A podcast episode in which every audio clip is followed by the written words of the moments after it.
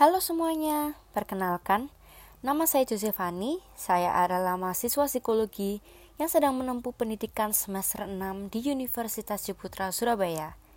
Podcast ini saya buat untuk ujian tengah semester saya di mata kuliah psikopatologi dan abnormal. Dan melalui podcast ini, saya akan mengajak kalian untuk membahas seputar penyakit mental yang bernama gender dysphoria in children. Apa sih gender dysphoria itu? Untuk mengetahui lebih lanjut, yuk simak terlebih dahulu kasus nyata mengenai kelainan gender dysphoria pada anak-anak. Oke, jadi ada seorang anak yang berinisial WK. Nama ini nama samaran ya, karena kita juga harus melindungi privasi mereka. Nah, WK yang berumur 4 tahun dan berjenis kelamin perempuan ini suatu hari bertanya kepada ibunya, Kapan saya bisa menjadi anak laki-laki? Hal ini yang akhirnya membuat orang tua dari WK menyadari ada yang salah dari WK ini. Awalnya orang tuanya masih berpikir mengenai hal tersebut dan masih menganggapnya angin lalu mengenai gender dari WK. Namun setelah A, yaitu adik dari WK berkata, WK ingin menjadi laki-laki. Dia benar-benar ingin menjadi anak laki-laki. Hal ini yang akhirnya membuat orang tua WK berdiskusi kepada psikiater untuk menanyakan dan berkonsultasi mengenai perubahan identitas dan permasalahan WK. Sejak WK masih kecil, yaitu sekitar umur 2-3 tahun, ia sudah mengingat fakta bahwa ia tidak menyukai hal-hal berbau perempuan. Ia benci menggunakan gaun, ia menyukai Spider-Man dan sering berpakaian seperti pahlawan fiksi seperti The Thing One Halloween. Ketika WK berumur 5 tahun, ia dan ibunya pergi ke salon karena ia ingin model rambut yang sama dengan Zac Efron dari film High School Musical. Ketika orang tuanya semakin lama semakin menyadari kejanggalan dari WK, awalnya mereka mengira bahwa WK mungkin akan menjadi lesbian. Tapi yang dirasakan WK lebih dari itu. Ia ingin menjadi laki-laki dan berterus terang kepada orang tuanya.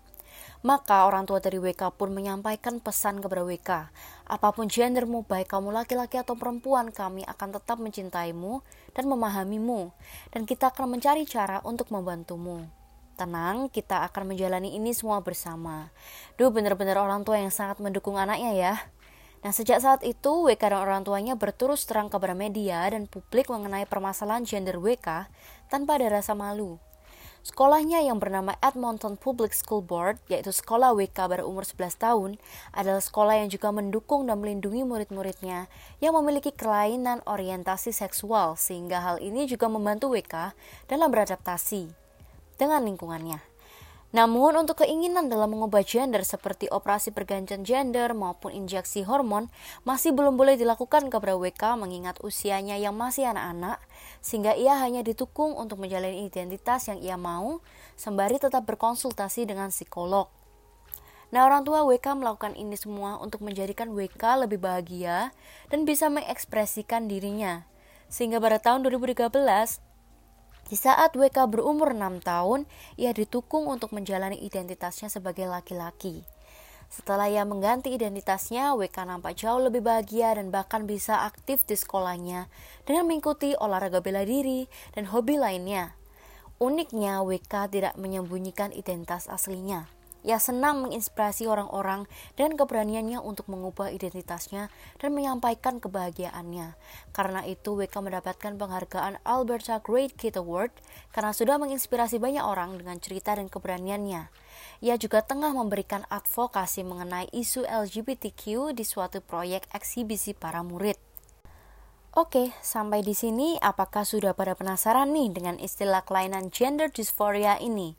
Apa sih gender dysphoria? Nah, menurut peneliti bernama Yash, gender dysphoria adalah suatu istilah dari beberapa orang yang mengalami kebingungan atau ketidaksesuaian mengenai jenis kelamin dari kelahiran mereka. Selain itu, penelitian lainnya berpendapat bahwa gender dysphoria atau bisa disebut gangguan identitas gender merupakan suatu ketidakcocokan antara identitas dan anatomi gender. Contohnya seperti bisexual, gay, lesbian, dan transgender. Nah, gangguan gender dysphoria ini sangat mungkin muncul di masa kanak-kanak dengan keberadaan perilaku lintas gender, seperti pakaian yang tidak sesuai dengan jenis kelaminnya, serta kebiasaannya terlihat menyimpang dari gender seharusnya. Biasanya gangguan gender dysphoria pada anak-anak mulai nampak dan disadari oleh orang tua ketika anak berusia 2-4 tahun. Nah, pada kasus WK tadi, dia sudah sesuai dengan definisi gangguan gender dysphoria ini karena ia merasa bahwa ia bukanlah perempuan, melainkan laki-laki. Terus, gimana dong cara mengenali anak yang memiliki gangguan gender dysphoria? Oke, aku jelasin deh gejala gangguan gender dysphoria.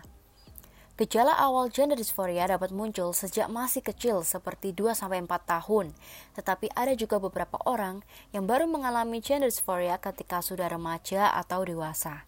Nah, untuk gejala awal yang paling umum untuk anak-anak adalah ketika ia lebih menyukai mainan dari gender yang sebaliknya dari gendernya. Selain itu, ia dapat menolak untuk buang air kecil sesuai dengan identitas gendernya. Misalnya untuk laki-laki, identik dengan buang air kecil secara berdiri. Namun untuk suatu alasan, penderita laki-laki gender dysphoria memilih untuk buang air kecil secara duduk atau jongkok yang seharusnya dilakukan oleh perempuan. Kemudian karakteristik yang mungkin akan muncul dalam gender dysphoria pada anak-anak yaitu suka melakukan permainan atau kegiatan lawan jenis, memiliki teman dan pergaulan dengan mayoritas lawan jenis, dan pada anak laki-laki dapat merasa jijik dengan alat kelaminnya. Dan pada anak perempuan bisa menolak untuk buang air kecil dengan cara duduk dan membenci fisik payudaranya. Bisa juga anak yang mengalami gender dysphoria dengan sengaja menyembunyikan fisik dari gender aslinya yang menonjol dengan menutupinya menggunakan baju ataupun varian cara lainnya. Nah, sedangkan untuk orang dewasa yang mengalami gender dysphoria, mungkin akan lebih berpikir ke arah medis seperti operasi ganti kelamin, dan memiliki keinginan kuat untuk menghilangkan alat kelaminnya. Namun pada kasus WK ini, yang adalah penderita gender dysphoria yang masih anak-anak, maka gejala ini masih belum terlalu muncul pada dirinya. Selain itu, menurut Sex et al., gejala dari gender dysphoria adalah dengan meningkatnya rasa cemas pada individu karena takut dengan kelainan gendernya, serta cenderung penyendiri. Nah, gejala yang dialami oleh WK antara lain tidak menyukai hal-hal berbau perempuan seperti memakai rok atau gaun. Kemudian menyukai potongan rambut laki-laki dan penampilan seperti tokoh fiksi laki-laki. Hal ini berkaitan dengan karakteristik yang ditunjukkan oleh anak-anak yang menderita gender dysphoria menurut Ross, yaitu suka mengenakan pakaian dan aksesoris lawan jenis, suka berperan sebagai lawan jenis, memiliki keinginan, dan cenderung memaksakan dirinya adalah lawan jenis. Sampai di sini, benar-benar kelihatan jelas ya seorang anak yang memang mengalami gangguan gender dysphoria. Nah, terus kalau udah tahu gejala dari gender dysphoria, penyebabnya apa sih? Nah, banyak argumentasi mengenai hal ini ya. Ada yang bilang karena trauma masa kecil, pola asuh, biologis, Eits, bener semua sih. Cuma mari kita menyelami lebih dalam mengenai penyebab gender dysphoria secara konkret ya. Jadi kalau menurut buku DSM, terdapat dua faktor penyebab gender dysphoria, yaitu yang ke satu adalah faktor biologis. Yang pertama ada faktor biologis. Jadi identitas gender yang kita miliki ini dipengaruhi oleh hormon. Menurut studi yang dilakukan oleh Imperator McKinley, di Republika Dominika, anggota keluarga yang tidak bisa memproduksi hormon pembentuk penis dan skrotum pada masa pertumbuhan janin laki-laki akan mengakibatkan ketika seorang anak dibesarkan sebagai perempuan, organ kelamin dapat mulai berubah menjadi laki-laki. Selain itu, penelitian lainnya menunjukkan bahwa seorang ibu yang selama hamil mengkonsumsi hormon seks akan mengakibatkan anak-anaknya berperilaku seperti lawan jenis dan mengalami abnormalitas dalam anatomisnya. Contohnya seperti anak perempuan yang ibunya mengkonsumsi progrestin sintesis atau bisa diartikan sebagai Hormon seks laki-laki untuk mengatasi pendarahan di rahim selama hamil akan memiliki perilaku tomboy. Selain itu, gender dysphoria juga dapat disebabkan oleh hyperplasia adrenal congenital yaitu hormon pria di janin perempuan terlalu tinggi sehingga anak merasa dirinya laki-laki dan bukan perempuan. Kemudian juga dapat disebabkan karena intersex di mana seorang bayi memiliki kelainan antara kelamin eksternal dan internal sehingga ia memiliki keduanya yaitu testis dan ovarium. Kondisi ini disebut sebagai hermafrodit. Eits, tapi selain faktor biologis tadi masih banyak loh faktor-faktor lain yang mempengaruhi. Faktor sosial dan psikologis juga mempengaruhi loh. Lah, kok bisa faktor sosial dan psikologis?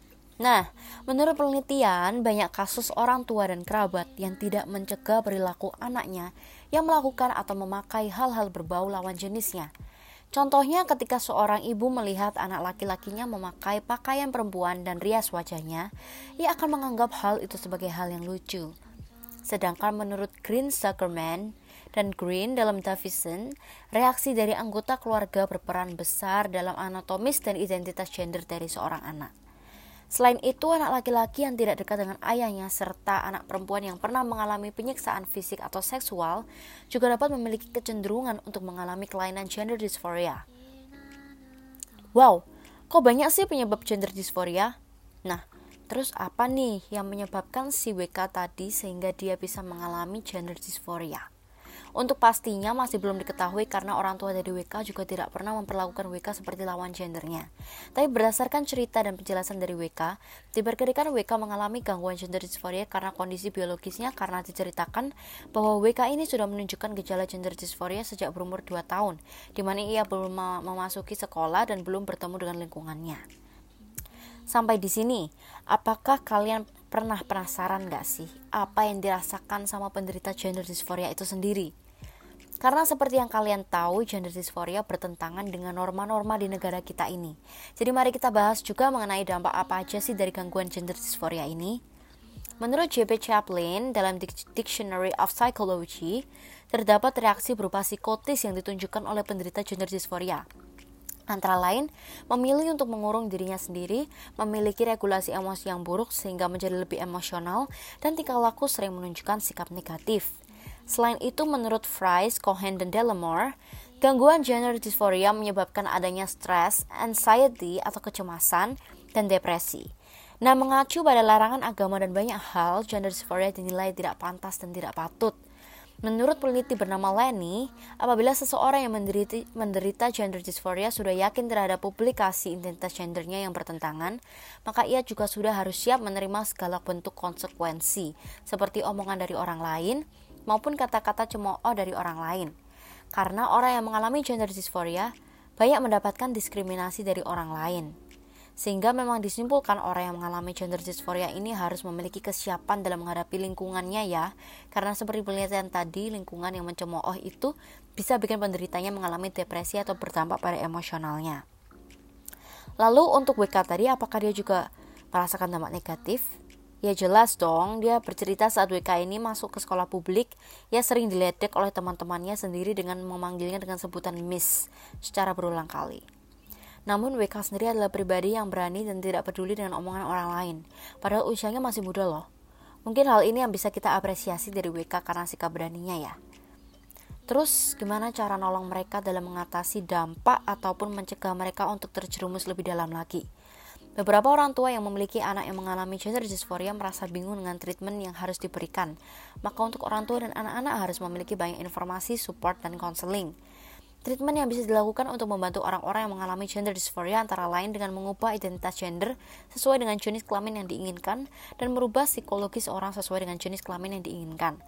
Tapi kalau treatment itu lebih ke arah orang dewasa dan belum terlalu umum, karena di beberapa negara masih belum legal ya pastinya seperti di negara kita ini. Tapi untuk anak-anak, treatment yang dinilai paling possible dan memungkinkan adalah treatment CBT. Nah, apa itu CBT? Menurut Omar Jody, CBT adalah suatu treatment berdasarkan suatu teori bahwa pola pikir manusia dibentuk melalui proses SKR, stimulus kognisi respon yang berhubungan dan membentuk jaringan dalam otak manusia. Jaringan tersebut yang mengubah proses kognitif tersebut menjadi suatu pengatur dalam cara berpikir, merasa, dan bertindak pada manusia. Dengan mengubah cara berpikir peran otak dalam menganalisisnya, diharapkan CBT ini dapat mengubah tingkah laku dan pikiran dari seseorang yang sebelumnya negatif menjadi positif. Dalam hal ini, treatment CBT dinilai cukup efektif dalam membantu anak-anak yang mengalami gender dysphoria dan diharapkan anak tersebut dapat menerima proses dengan baik untuk healing dari kelainan gendernya. Selain itu, terdapat treatment berupa konseling dalam menangani permasalahan gender dysphoria pada anak-anak karena menurut Stensma, konseling memiliki tujuan dalam mengajak konseli untuk mengubah pikiran dan emosi yang negatif dengan menunjukkan bukti serta hal-hal yang bertentangan dengan keyakinan konseli mengenai permasalahan yang mereka lakukan. Selain itu, dengan konseling juga bisa membuat seorang anak yang mengalami gender dysphoria untuk menerima dirinya apa adanya sesuai dengan identitas aslinya. Untuk kasus WK, sebelumnya ia sudah pernah melakukan treatment dalam mengatasi gangguan gender disforianya, yaitu dengan cara melakukan konseling kepada psikolog dan psikoterapis.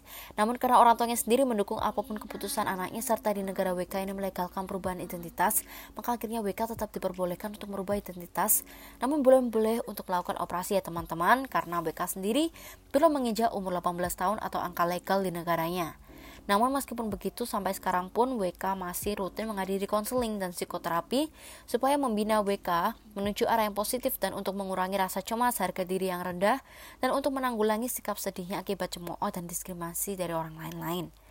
Nah, Bagaimana nih teman-teman kalau seandainya di sekitar kalian ataupun ada seseorang yang mengalami simptom atau pertanda bahwa ia ini bisa mengalami gender dysphoria? Pastinya harus dicoba untuk mencegah terlebih dahulu ya, sebelum berlangsung lebih dalam. Tapi gimana sih cara bantu mereka atau mencegah mereka? Nah, menurut saya beberapa tips untuk mencegah gangguan gender dysphoria ini adalah yang pertama adalah edukasi seks sejak dini. Hasil penelitian menurut Ochioku mengatakan bahwa seharusnya dilakukan pendidikan mengenai seks sejak awal yaitu sebelum tingkat SLTP karena dengan adanya pendidikan seksual akan lebih memberikan dampak positif antara lain mengenalkan informasi seputar biologis menjelaskan peran laki-laki dan perempuan serta mencegah remaja berhubungan seks di bawah umur.